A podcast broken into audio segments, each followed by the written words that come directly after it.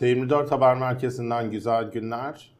Bugün uzun süredir Rus, Rusya uzmanı demek zorunda kalıyordum. Artık T24 yazarı diyebileceğim tekrar bir konuğum var. Hakan Atsay'la beraberiz. Hakan Atsay bugün yayında bizde olmaktan beraber tekrar T24 ailesine katılıyor. Hoş geldin Hakan abi. Hoş bulduk Kaan. Birazcık yani yalan söylemeyeceğim. İçim buruk. Çünkü yani böyle hem sevinç yaşıyorum hem üzüntü. Hakan abi giderken ben demiştim ki yani be- benim önüm açıldı bu sefer. Dedim Sovyet coğrafyasını o kadar kitap, ders boşuna almadı diye. Medyada zaten 10 kişi falan Rusça konuşuyor. Çok gramerimi falan da yakalıyorum aslında. Hakan abinin ofisi hemen mutfağın dibinde. Orayı, orayı da kaparsam yani 20 sene T24'te götürürüm. Rusya uzmanı falan olurum dedim ama olmadı. Hakan abi geri döndü. Yani yaş Evet. faktörünü düşünürsek Evet. belki şansın olabilir. Sen Rusça'ya devam et bence. Rusya'ya devam edersen bakalım bilmiyorum. Rusça çok öğrenilecek bir dil gibi durmuyor Öğreniliyor, bugünlerde. öğreniliyor. Ben bile öğrendim. Tehlikeli zamanlar. Aa, ama yani Rusya savaşı konuşacağız tabii ki ama ilk önce biraz yani bir süredir ayrıydık. Yani stüdyoda görüşemiyorduk, haber merkezinde görüşemiyorduk en azından. Biraz bu zamanda neler oldu, ne değişti? Türkiye, Rusya bir öyle bir değerlendirmeyle başlayalım isterim. Yani e, zaman çok hızlı akıyor gerçekten dünyada, Türkiye'de pek çoklarımız için öyle. Benim için de çok hızlı, keyifli, öğretici e, bir dönemdi bu e, geçen dönem. E, senle gerçi arada bir söyleşi daha yapmıştık galiba ama ben buradan ayrılırken aşağı yukarı 7 ay önce e, konuşmuştuk. Ondan sonra bir başka internet sitesinde benim yönetici bir görevim vardı. Ondan sonra başka şeyler geldi. Yoğun bir gündem. Dünya çok hızlı dönüyor çünkü.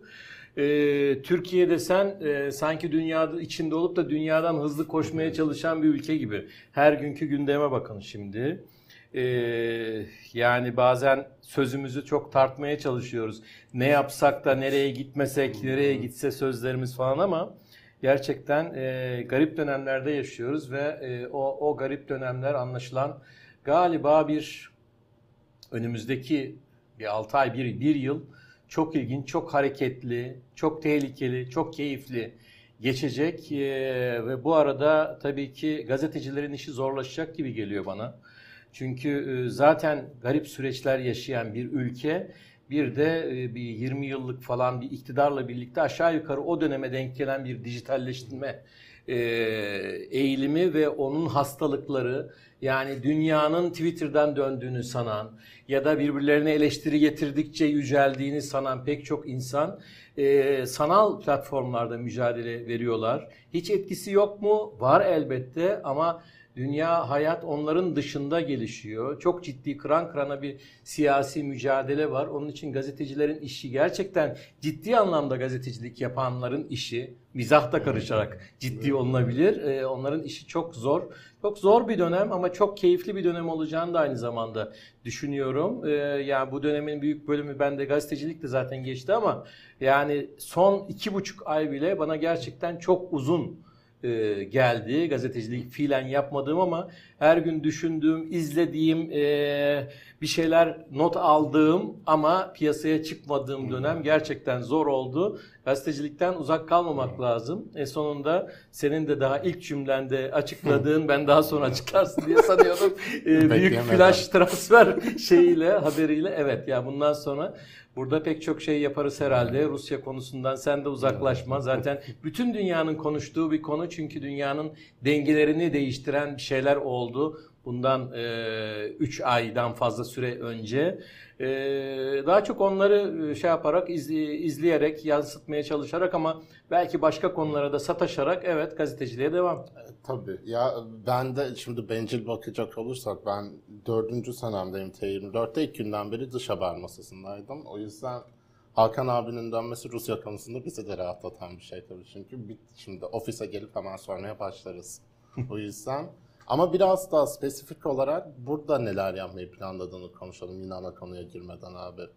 Olur. Yani şimdi e, Rusya, Ukrayna ve eski Sovyet coğrafyası diyelim. Onun eskiden de önemi vardı ama herkese biz bu önemi anlatamazdık. Hala da belki anlatamıyor olabiliriz ama şu anda en azından Rusya ile Ukrayna arasında olup biten şey e, İkinci Dünya Savaşı'ndan sonra oluşan uluslararası dengeleri bozdu. Yerine ne geldi gelecek onu bilmiyoruz tam olarak. Ama o dengeleri bozdu. Şu anda bütün dünya Rusya ile ilgileniyor, Ukrayna ile ilgileniyor, savaşın nereye gideceğiyle ilgileniyor. Ve bu arada kötü bir e, özelliği var insanların, toplumların, okurların, seyircilerin.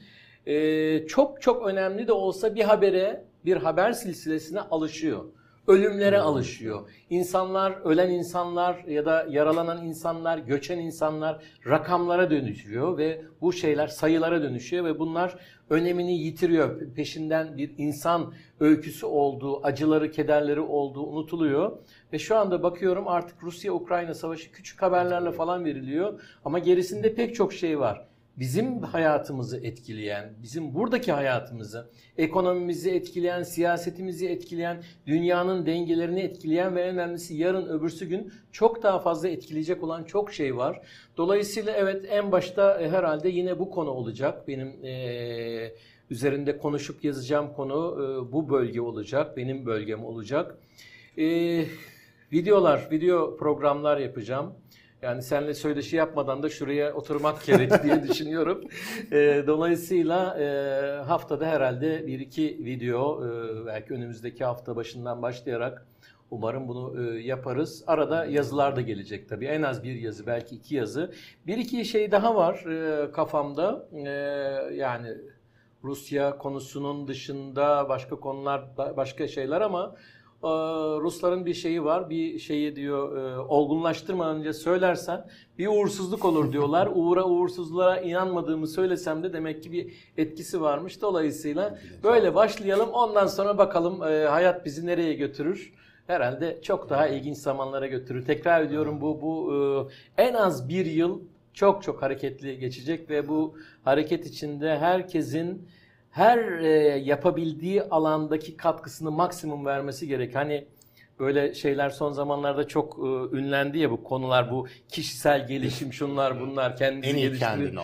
Evet e, kendin ol başkası olma vesaire derken o arada böyle büyük felsefi şeyler de var böyle yaşam anlamıyla ilgili ama onlardan e, benim en çok aklımda kalan şeyin bu Picasso'nun şeyi, yaşamın anlamı dediğin şeyi fazla uzatma diyor. Bir yeteneklerini bul diyor. Anlam orada. Amaç da bu yeteneklerini vermeye çalış, birilerine vermeye çalış.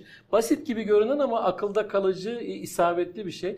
Ne varsa yeteneklerimiz sınırlı hele artık yani ne, ne keşfedebiliriz. Ama olanları bildiğimizi, yansıtabileceğimizi elimizden geldiği kadar yazarak, çizerek, söyleyerek, göstererek vermeye çalışmak gazetecinin şeyi e, görevi de burada gerçekleri, doğruları, haberleri, analizleri verebilmek. Hepimizin işi bu. Zor meslek. Zor meslek. Ama burada şimdi tabii ki bir seçim dönemine giriyoruz. Yani erken seçim veya zamanında seçim olursa da artık çok belli bir süreç var önümüzde. Yani adaylar, şunlar, bunlar. Ve dünya o kadar karmaşık ki biz bu sürece girerken. Yani pandemiden çıktık, ekonomi dünyada ciddi bir dalgalanma var. Türkiye bunu çok sert hissediyor. Ve kuzeyde ne kadar artık dünya için bu statik haline gelmeye başlamış olsa da çok ciddi bir savaştan söz ediyoruz. Ve savaş şu anda ülkenin doğusuna odaklanmış durumda. Çok ciddi bir bombardıman var, çok ciddi can kayıpları var. Severodonetsk'in %70'inin Rus kontrolünde olduğu konuşuluyor. Luhansk'ın belli bir bölümü zaten Rus kontrolündeydi. Donetsk keza öyle. Şimdi bu savaşa bugün itibariyle baktığımızda ne görüyoruz abi? Şimdi e, birkaç aşaması oldu aslında savaşın. Biz fark edememiş olabiliriz ama bu geçen 3 aydan fazla süre süreyi netleştirelim. Yarın 100 gün olacak. 100 gün. Bugün 99. 99. gün. E, bu süre içinde birkaç aşaması oldu.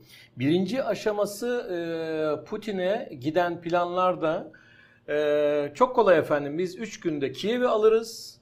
E, bir haftada da Ukrayna'yı toptan hallederiz efendim. Bu efendimleri danışmanların dili olarak ekliyorum.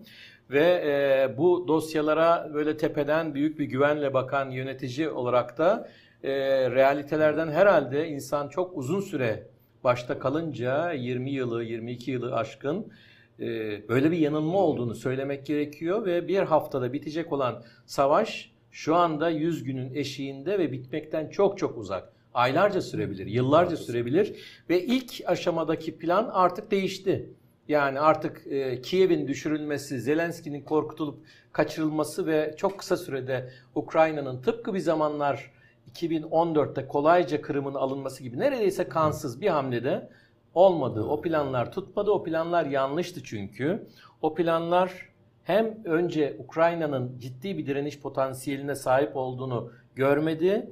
İkincisi e, orada pek çok Rus olabilir ama o Rusların e, Aa ne güzel Rus askeri geldi deyip böyle onları bayraklarla şarkılarla karşılaşacağı bir ortam olmadığı çıktı. O hesapların yanlış olduğu çıktı ve beraberinde de e, dünyanın özellikle de ekonomik gücü e, açısından Rusya'yı ve başka ülkeleri de çok etkileyen Batı'nın çok büyük yap, yaptırımlar yapabileceğini ve kendi arasında dağılmış bir Batı'nın bu kadar kenetlenebileceğini öngörmedi. Açıkçası bunu kimse de öngörmedi. Ama bütün bunlar yaşandı ve Rusya e, zor aşamalardan geçerek savaşı uzatma, hedefleri değiştirme kararı aldı. Hedefler ne oldu? Bir e, Karadeniz tarafını almaya çalışmak, Ukrayna'nın deniz bağlantısını koparmaya çalışmak ki orada e, Mariupol ve birkaç yer daha alındı. Bir de zaten e, Donbas'ın önemli bir bölümü ellerindeydi. Orada iki asi cumhuriyet denilen Rusya'nın son günlerde, savaştan önceki günlerde tanıdığı iki cumhuriyetin Luhansk ve Donetsk, onların e, sınırlarının genişletilmesi, tüm Donbas bölgesinin ele geçirilmesi. Şimdi giderek oraya doğru kaydı savaş ama e, bir de tabii e, ben şimdi gündüzüm gecem bu şeylerle okumalarla ve e, videolarla falan geçiyor YouTube videolarıyla falan geçiyor. Her zaman doğru ya da değil e, bir de fısıltılar geliyor. Gerek Ukrayna'dan gerek Rusya'dan hatta Kremlin koridorlarından başka başta olmak üzere. Öyle fısıltılar ki yani Putin'in hastalığından, kanser hastalığından tut e, savaşın gidişindeki yeni şeylere, e, planlara kadar doğru ya da yanlış pek çok şey var. Bunlardan bir tanesi dün e, duyduğum bir şey. Rusya e, tekrar Kiev'e bir baskın yapabilir. Tekrar bir güç topluyor. Tekrar e, iktidarı düşürmek için. Bunun anlamı ne? Şimdi bu e, ilk günlerde yeterince başarılı olamayan Rusya savaşı uzattı yavaş yavaş da olsa, zaman zaman Ukrayna güçlerinin geri püskürtmesi başarısı da olsa şu anda e, kendisi açısından çok da kötü bir noktada değil. O konuda bakıyorum basında çıkan şeyler biraz yanıltabilir. Özellikle son zamanlarda, son günlerde, son haftalarda Rusya ciddi ataklar yapıyor ve şöyle söyleyeyim, Ukrayna topraklarının e, savaşın başında bir gün önce diyelim 23 Şubat'ta %7'si Rus, Rusların elindeydi ya da Rusya yanlıların elindeydi. Kırım'dan ve e, o iki cumhuriyetten bahsediyorum doğudaki. Şu an yüzde yirmi, yüzde yirmi bir. Yani Ukrayna'nın beşte biri şu anda Rusya'nın işgali altında. Bu ciddi bir şey. Dolayısıyla Rusya'nın başarısız olduğunu söylemek de tam tübüyle bu noktada e, cümleyi bırakmak da doğru değil. Rusya ilerlemeye devam ediyor ama çok zor ilerliyor. Çok kanlı bir savaş ve bu savaşta Ukraynalıların e, beklenmedik kadar ciddi bir direniş göstermesinin dışında e, savaşın ilk haftalarından sonra Batı'nın tavır değişikliği de çok önemli. Batı baktı hmm. önce. Rusya kazanacak mı? Hayır kazanamıyor. Ee, Ukraynalılar direniyor. Bu kadar beklemiyorlar dedi. Baktı devamına baktı ondan sonra yavaş yavaş bunu bir fırsat olarak kullanabilirim. Ee, Rusya'yı zayıflatmak, ve Putin'i devirmek için fırsat olarak kullanabilirim dedi. Batı'nın da kendi çıkarları var. Ve ben bu arada Batı'nın Ukraynalıları, ölen Ukraynalıların falan önemsediğini de düşünmüyorum. Yani Putin yönetimi vesaire bunlar kendi hatalarını yaptı ve bugün e, binlerce insan ölüyor. Her gün binlerce insan ölüyor ve on binlerce insan zaten şu anda hayatını yitirmiş durumda. Ama Batı da ne yapıyor? E, kendisi için fiilen dolaylı olarak da olsa mücadele eden, savaşan Ukraynalıların mücadelesiyle onların ölümü pahasına kendi hedeflerine ulaşmayı e, deniyor ve bu arada da oraya para ve tabii ki bol miktarda silah gönderiyor. Çok ağır silahlar da artık gitmeye başladı. Bu da Rusya'nın işini çok zorlaştırıyor. Hem silah hem de bilgi biliyorsun Rusya'nın Karadeniz filosunun e, genel olarak Rus filosunun en önemli gemisi Moskva, Moskva yani Moskova e, batırıldı. Bu batırma işlemini Ukraynalılar yaptı ama bilgi muhtemelen ABD'den geldi. Evet. Zaten bununla ilgili de birçok ya istihbarat akışıyla ilgili ABD'nin de bir açıklaması oldu geçen günlerde. Birkaç hafta geçti üstünden tam hatırlamıyorum ama işte artık generallerin öldürülmesi için lokasyon paylaşılmayacağıyla falan ilgili bir açıklamaları da oldu. Moskova demesinin de New York Times'a yaptıkları bir söyleşide lokasyonu kendilerinin verdiğini söylemişlerdi.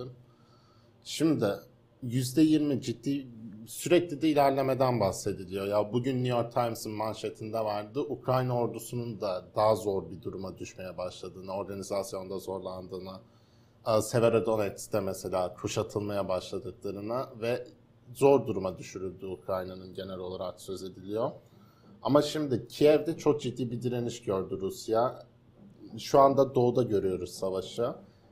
Burada savaş, barış müzakereleri ilerlemiyor. Bir gün masaya dönülecektir muhakkak ama asıl gördüğüm fark Kırım'dan dediğin gibi çok farklı abi. Kırım'da kansızdı neredeyse. Askerler bir gecede e, sicilsiz üniformalarla Hı hı. aldılar falan filan.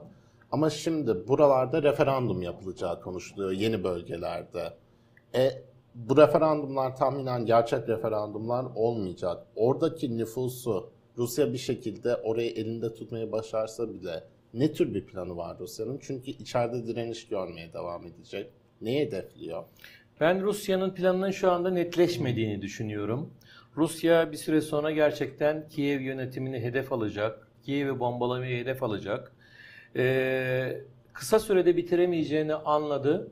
Ama süreyi uzatıyor. Bu Ukrayna'nın gücünün azalması ve Batı'nın yardımının zamanla e, yok olup gitmesi ya da çok etkisiz hale gelmesini hedefliyor. Çünkü Batı'da da farklılıklar var.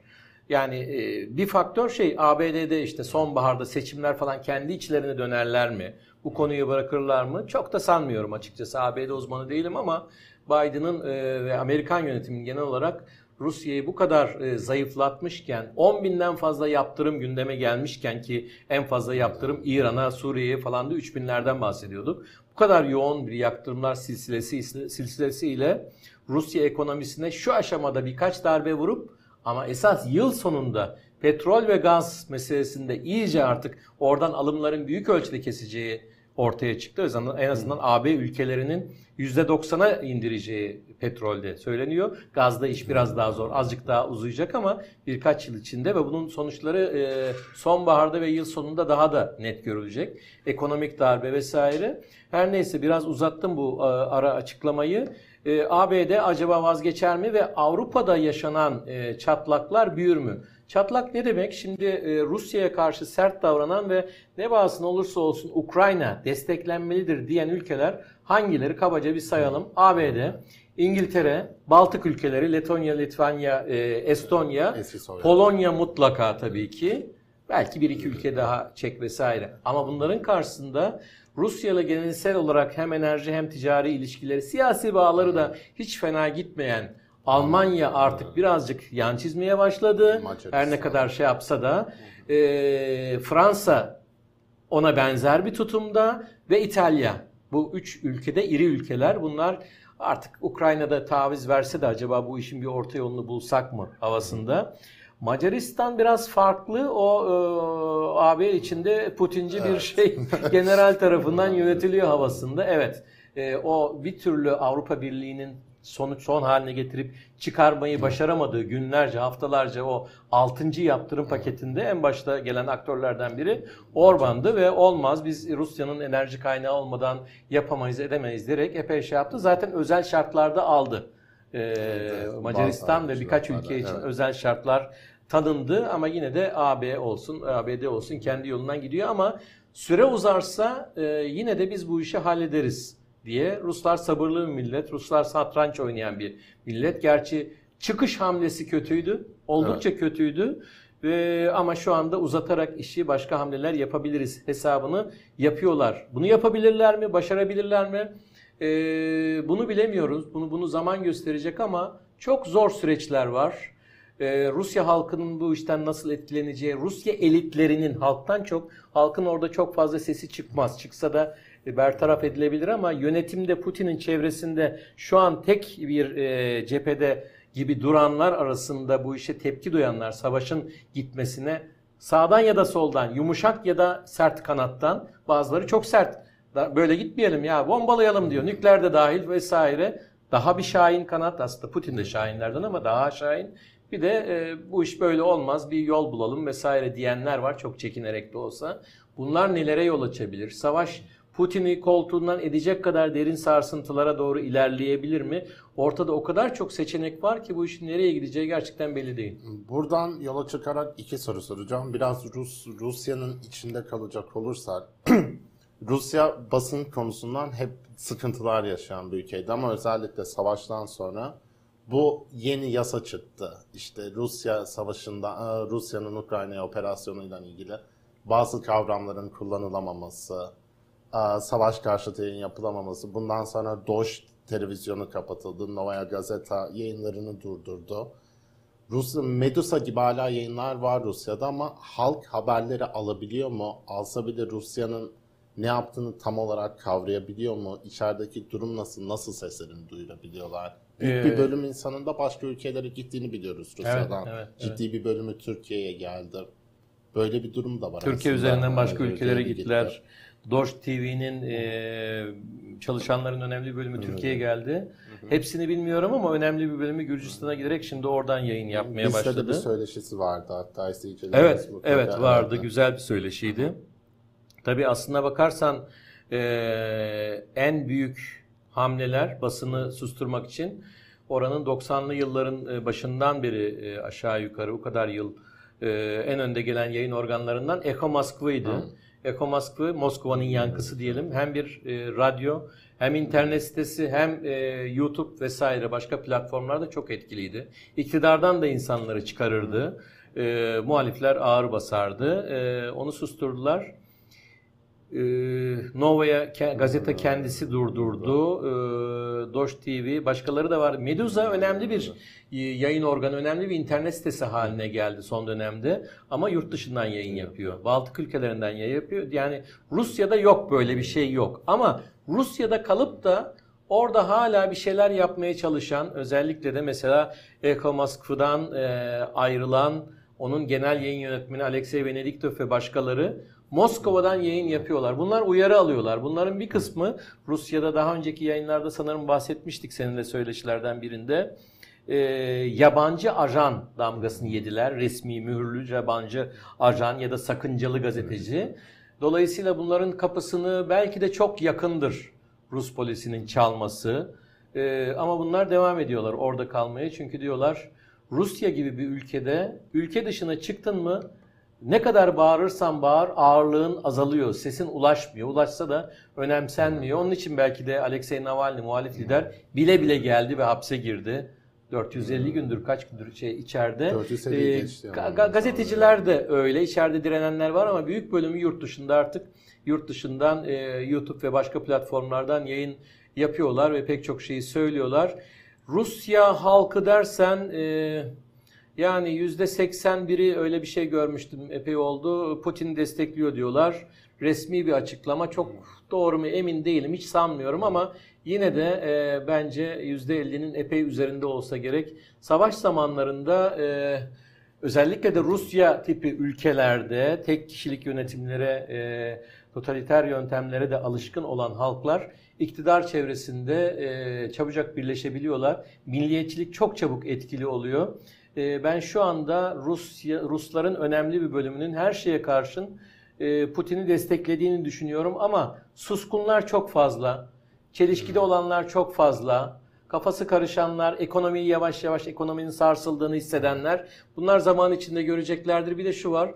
11 milyon insan Rusya'da, Ukrayna'da akrabalara sahip, yakın akrabalara. Bu az buz bir şey değil. Bunun tersi de var. Oradaki Ruslar, buradaki Ukraynalılar falan.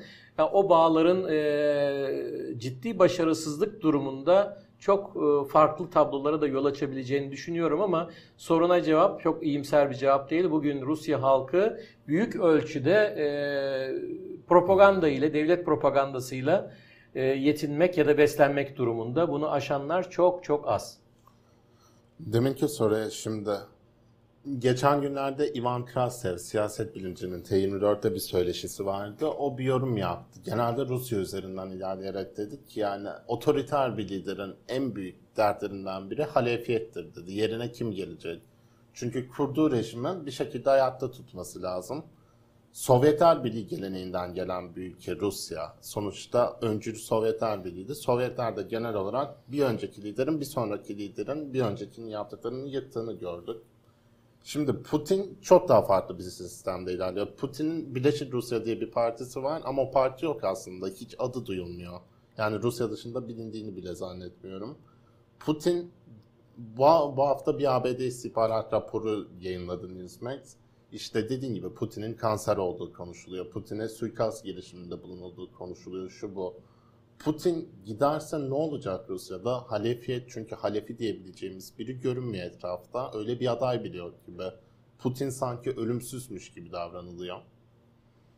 Öyle to- şeylerde, e, coğrafyalarda hep öyle. Evet. Liderler hep ölümsüz gibi e, anlaşılıyor ve Putin'le ilgili de yorum yapan Rusların önemli bir bölümü onun şamanizme falan son zamanlarda ilgi gösterdiğine, böyle fallar falan açtığına ve bilim adamlarına özellikle e, sonsuz yaşam o kadar da değildir herhalde ama bir 120 yılına kadar falan 120 yıla kadar falan yaşanabilir mi o konudaki araştırmaları Oy. yoğunlaştırın türünden şeyler verdiğini söylüyorlar ya da bunların dedikodusunu yapıyorlar. Ee, onların yalancısıyım ama e, şimdi iki şey var. Bir liderler ne kadar güçlü olurlarsa olsunlar, ne kadar kendilerini dev aynasında görürlerse görsünler, ne kadar yeryüzü tanrısı gibi dolaşırlarsa dolaşsınlar, e, Tanrı'yla mücadelede veya onunla kıyaslamada önemli bir eksikleri var. Ölümlüler. Ölüyorlar yani bütün insanlar ölüyor. Diktatörler bile ölüyor. Bunu her ne kadar hiçbir diktatör tam anlamıyla benimseyemese de böyle bir kuralı var. Doğanın Ee, böyle bir yöntem olursa ne olacak? Bir. iki böyle bir yöntem olmadan Putin eğer önümüzdeki aylarda belki de önümüzdeki 2-3 yıl diyelim. Aylardan bahsedenler çoğaldı biliyorum. Çabuk sonuç istiyorlar. Ee, önümüzdeki dönemde diyelim kısa süre içinde gücünü kaybettiğini görürse, sağlığı kötüleşirse, daha e, yorulursa, e, etkisi azalırsa, siyasi etkisi azalırsa her iki durumda da yani ölüm gibi doğal bir durum ya da böylesi bir siyasi fiziksel gücün azalması durumunda en çok üzerinde durulan şey şu, Rusya kulislerinde olsun, e, Rusya uzmanı bazı batılıların da e, daha çok yaptığı yorumlarda şunu görüyorum. Bir tür kolektif yönetim bekliyor Rusya'yı. Yani eskilerde Sovyet döneminde politbüro derler. Bilmiyorum bugünün Evet. gençliği politbüro nedir Politbüro biliyor mu? Du- sen duydun e, mesela. Çin'de geçiyor şimdi. Kuzey Evet, komünistler Ha. politbüro, merkez Evet. komitesinin tepesinde bir politbüro politbüro. vardı. İşte 3-5 kişi neyse 15-20 kişi bunlar e, yönetiyordu veya da öyle görünürdü. O tür bir yönetim. Yani Rusya'nın belli başlı isimleri ki Rusya'nın tepesindeki yönetimdeki isimler ağırlıkta FSB, eski KGB yani haber alma kökenli olanlar. Belki bunların arasında Başbakan Mishustin gibi ya da ne bileyim Moskova Belediye Başkanı Sabyanin gibi birileri de girebilir. Ama bir yine bugün çok biraz fazla dedikodu verdim galiba ama e, önemli bir şey e, politika uzmanı da hala Moskova'da yaşayan şey diyor. Putin ameliyatlarından birine girerken şöyle bir şey dediği duyulmuş. Duyulmuş en azından. O duymuş. E, ben yokken e, yetkileri e, Patrushev'e devrediyorum demiş. Güvenlik Konseyi'nin başındaki kişi ve çok uzun yıllardır e, FSB'de haber almada Putin'le birlikte yürüyen zaten ondan sonra e, FSB'nin başına geçen kişi. Yani ona en çok güvendiği o FSB yönetimi falan derken belki de onu doğrulayan bir şey. Belki de söylenti bilmiyorum ama bir tür 3-5 kişinin sınırlı bir şeyin e, başta kalması, belki bunlardan birisinin öne çıkması, daha sonra bu kişiye karşı mücadelenin gelişmesi olabilir vesaire. Yani şunu demek istiyorum. Çok fazla da seyircilerimizi yormak istemiyorum. Putin gidecek şu ya da bu yöntemle gidecek ve ondan sonra bambaşka bir Rusya ve bambaşka politikalar izlenmesi gündeme gelecek mi? Pek de sanmıyorum. Belki bir takım revizyonlar yapılacak ama e, benzer şeyler, benzer milliyetçi, e, devletçi, batı e, karşıtı şeyler falan e, uygulanacaktır. Yani ama eğer Putin'in yerine net olarak yeni bir lider gelirse o mutlaka şu ya da bu şekilde Ukrayna savaşını bitirmek, yaptırımları ortadan kaldırmak için Batı'ya bir e, el uzatmak, yani elini uzatmak veya e, ne derler bir barış çağrısı yapma şeyine girmesi lazım. Ekonomiyi düzeltmeye başlaması lazım. Böyle bir şey olur mu önümüzdeki aylarda ya da, ya da yıllarda bilemiyorum ama böyle bir şeyin olacağını, gündeme geleceğini e, düşünenler ve savunanların sayısı epeyce artıyor. Son olarak şunu sorayım. Bu saatte artık tam iş çıkış saati izleyenleri de çok yormak istemiyorum ağır siyasette ama sormasam olmaz diye düşünüyorum. Rusya Dışişleri Bakanı Sergey Lavrov 8 Haziran'da Türkiye'ye geliyor. Şimdi tabii ki en somut konu Rusya-Ukrayna savaşı. E, bir de aynı zamanda Rusya'nın işgaliyle birlikte doğan bir tahıl ihracatı sorunu var. Dünya bir gıda krizine doğru ilerliyor. Biliyoruz ki Türkiye, Birleşmiş Milletler, Ukrayna bunu Rusya'yla çözmeye çalışıyor. Ama unutmamamız gereken Rusya'yla Rusya'yı konuşurken her seferinde vurgulamamız gerektiğini hissediyorum. Suriye operasyonunu konuşuyoruz bugünlerde. Suriye'ye yeni bir harekat yapılabileceğinden konuşuluyor. Ve Tel Abyad ve Münbiç bunun doğusunda Rusya var. Rusya Türkiye'nin güney komşusu. Bu her zaman vurgulanmak gereken bir şey sanırım.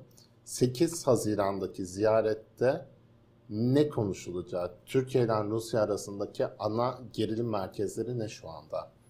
Yani bir Türkiye e, bir arabuluculuk rolüne soyundu ki bu mantıklı bir şeydi aslında. Yani iktidarı bugünkü zorluklarına rağmen e, birkaç puan da olsa e, almaya, birazcık reytingini güçlendirmeyi de götüren, belki uluslararası otoritesini de sarsılan otoritesini, otoritesini de birazcık onarmaya yönelik mantıklı doğru bir adımıydı bu yola girmesi. Antalya'da bir toplantı denemesi oldu. Sonra bir İstanbul'da daha ciddi bir şey oldu. Bir zirve oldu ve orada bir barış şartları en azından çıktı gibi. Bir göründü bir yok oldu gerçi ama şimdi ikinci İstanbul olur mu tartışmaları en azından var. Dolayısıyla Türkiye çok da öyle stratejik ve çok daha derinlikli her şeyi düşünülmüş stratejileri artık e, uygulayacak kapasitesi, alışkanlığı, nefesi yetmiyor artık. Bunu yapamıyor ama yine de en azından bu tür girişimlere e, ön ayak olabiliyor. Çünkü e, Ukrayna'yı bir tarafa bırakalım. Rusya'nın ara bulucu olarak tanıyabileceği ülkeler de pek kalmadı. Şu an herkes e, bu konuda karşısında. Yani bir batılı ülkeyi örneğin alamaz ama bir Türkiye'yi belki alabilir. Bir e, belki İsrail'i alabilir. E Hindistan, Çin falan uzakta daha geride duruyorlar. Onlar olmaz falan. Yani Rusya'nın konuşacağı şeyler az. Bu anlamda böyle bir ara buluculuk şansı olabilir Türkiye'nin. Sonuç ne olur bilmiyorum. Çünkü Putin e, anlaşmayla şu aşamada savaşı burada keselim e, aşamasından o noktaya çok uzak görünüyor. Onun için ondan çok da emin değilim ama bazı adımlar atılabilir. Gerçekten dünyada ciddi bir gıda krizi sorunu var. Açlık sorunu bir kez daha 2007-2008'de olmuştu. Şimdi tekrar çıkacak ve Ukrayna limanlarında 20 milyon ton tahıl var ve bu iletilemiyor. Onlar o gemiler abluka altında e, dünyaya gönderilmiyor diğer gereksinimi olan ülkelere. Hatta e, Ukrayna'nın tahılının önemli bir bölümünün Rusya taraflarında topraklarında e, yani Ukraynalıların deyişiyle e, izinsiz alındığı, çalındığı vesaire yani tahıl şey e, gıda dengelerinde sarsan bir şey var. Orada bir ara buluculuk belki Türkiye'nin bir koridoru açılsın şeyi belki desteklenebilir ya da kısmen bu konuda gelişme olabilir. Kimileri e, Rusya e, artık Ukrayna'ya yöneldi ve Suriye'den çıktı çıkacak diyorlar. Doğru değil. Böyle bir şey olamaz çünkü Ukrayna'da ne olacağı belli değil ama son 10 yıllarda Suriye'dir Rusya'nın esas başarısı. Dolayısıyla oradaki askerlerini azaltabilir, teçhizatı azaltabilir vesaire. Göreceli olarak oradan birkaç geri adım atabilir ama orayı bırakmaz. Onu bir kere bu yeni yetme Rusya uzmanlarına bir söylemek gerekiyor. Bu kadarcık şeyi söyleyelim artık. Çok birikti içinde aylardır bazı şeyler. Bayağı. e, ama e, şu aşamada Türkiye'ye izin veren tabii yani bunu yapabilirsiniz operasyonu 30-32 e, kilometreye çıkarma falan. Zaten sonuna kadar gidemezsiniz ama gibi görünmeyen bazı şeyler de var ama belli bir süre için e, Rusya'nın o konuda daha anlayışlı göründüğünü söylemek lazım. ABD'den farklı olarak. ABD'nin tavrı nereye gider onu bilmiyorum ama en azından bir iki e, karşı açıklama geldi e, ABD üst yönetiminden ama öyle bir şey var. Tabii orada Rusya geri gidince İran'la Türkiye karşı karşıya gelir mi falan işin o dengeleri de var. Yani Suriye öyle Türkiye'nin kolay kolay istediğini yapabileceği kolay bir şey savaş alanı değil. Çok, Çok zor ya. bir savaş alanı. Patlamaya hazır bir İdlib bombası var. Göçmenler var. Başka bir şey. Yani ben o konuda çok iyi bir şey çıkaracağını iktidarın sanmıyorum ama birkaç hamle denenebilir. En azından Rusya ile bazı konularda e, görüşmeler, anlaşmalar yapılabilir. Ne kadar uzun vadeli olur bilemiyorum. Her iki ülke iktidarının da çok ciddi iç sorunları var ve bunlar artık öyle bir hale geliyor ki bütün dış politika açıklamaları, bütün dış politika anlaşmaları, görüşmeleri, her şey ve her şey İç içeride iktidarı tutmaya yönelik. Türkiye'de uzun süredir böyle. Rusya'da artık giderek oraya doğru e, yöneliyor. O anlamda içeriği düşünerek dışarıya oynamak da hep böyle e, sakıncalı bir şey, bir ayağa topal bir şey. Dolayısıyla onlardan çok uzun ve kalıcı sonuçlar çıkacağını sanmıyorum ama ufak tefek anlaşmalar olabilir. Türkiye'deki e, o dünkü Cumhurbaşkanı'nın açıklamasında geçen o güzel sözleri iç, e, ön sayfalarından vermeyen gazeteler ön sayfalarından Türkiye'nin büyük diplomatik başarısı diye birkaç konuyu verebilirler. Buna hazır olalım herhalde çoktan hazırız ama e, beraberinde çok büyük bir diplomatik ve siyasi başarı gelmez diye düşünüyorum.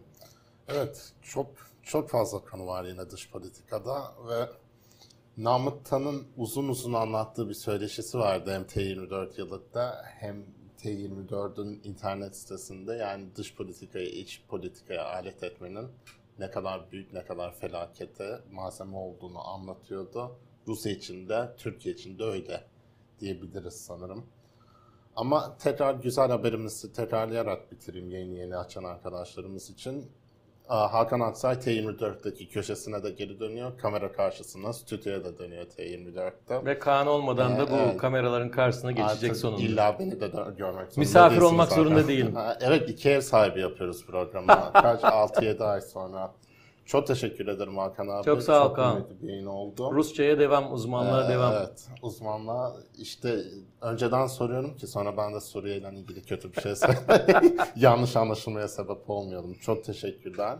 Artık zıtık görüşeceğiz zaten. Görüşmek üzere, sağ ol. Bir sonraki yayında görüşmek üzere. Teşekkürler bizi izlediğiniz için. İyi günler.